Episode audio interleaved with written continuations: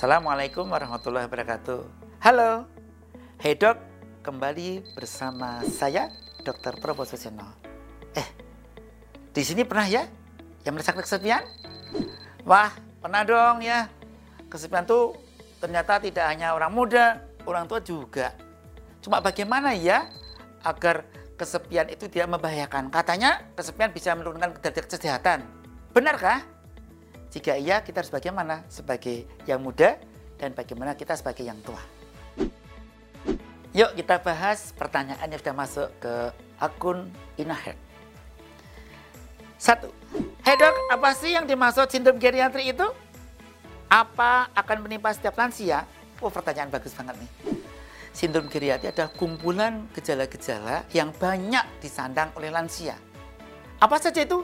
Kesepian, kemiskinan, gampang jatuh, pelupa, sembelit atau bahkan gampang biol, ya gampang pirak-pirak. Apalagi Kem kemudian ada yang keseimbangannya gampang jatuh dan masih banyak yang lainnya. Termasuk gampang kena penyakit infeksi, pelupa dan uh, impotensi. Ya. Apakah semua lansia mengalaminya? Enggak semua mengalaminya. Tergantung gaya hidupnya dia. Kalau gaya hidupnya itu bagus, komplit, lahir dan batinnya, bahkan spiritualnya bagus, sosialnya bagus, maka sindrom geriatiti mungkin sedikit yang disandangnya. Setiap orang mungkin kena peluang, mungkin satu, dua, tiga, atau bahkan 14 uh, sindrom geriatri ini. Ya, kalau orang Jawa sih ada 29 uh, uh, problem lansia terbanyak dan ini bisa dicegah dengan cara hidup yang benar. Pertanyaan kedua nih, hey dok, apa sih dampak buruk dari lansia yang terlalu lama kesepian? Bisa depresikah?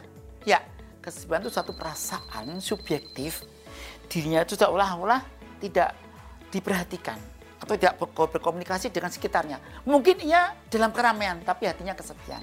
Bisa jadi ia bersama dengan anaknya, cucunya, adiknya, kakaknya, tapi anak tadi tidak komunikatif dengan dirinya. Dia merasa seolah dijauhi atau diacuh, diacuhkan oleh sekitarnya. Komunikasi seolah putus, dia merasa sepi, sepi, sepi. Dalam bahasa yang lain, namanya loneliness atau depresi. Memang kesepian ini gampang ke arah depresi. Dan ini bisa disandang siapa saja. Ada yang mendadak kesepian gara-gara apa? Pasangan yang begitu menyenangkan kembali menghadap Tuhan meninggal dunia atau wafat.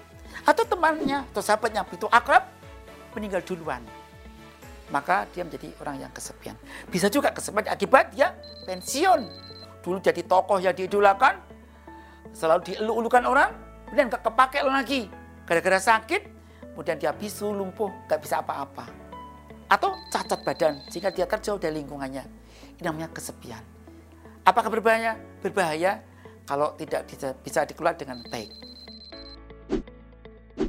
Pertanyaan ketiga nih, hai dok, support apa yang bisa kita berikan kepada anggota keluarga yang sudah lansia, walau kadang kita sebagai anak ada pekerjaan keluar kota. Nah, kesepian ini bisa berdampak kalau kematian pasangan yang harmonis dalam waktu 1-2 tahun dia akan nyusul kematian. Karena itulah waspada. Apa yang bisa kita lakukan pada orang tua kita yang kita sayang ini? Dukung, terutama tiga bulan pertama. Temani dia. Bersamai. Digilir. Anak-anaknya bisa bergiliran menjaga. Dipikirkan anak, menantu, atau cucu. Kalau nggak bisa kontak fisik, minimal telepon. Telepon. Telepon. Bersurat, kalau memang suka bersurat. Nah, jangan lupa. Kemudian orang tua diajak, apakah ikut anaknya atau anak ikut orang tuanya. Menemani dulu tiga bulan pertama ini paling bahaya.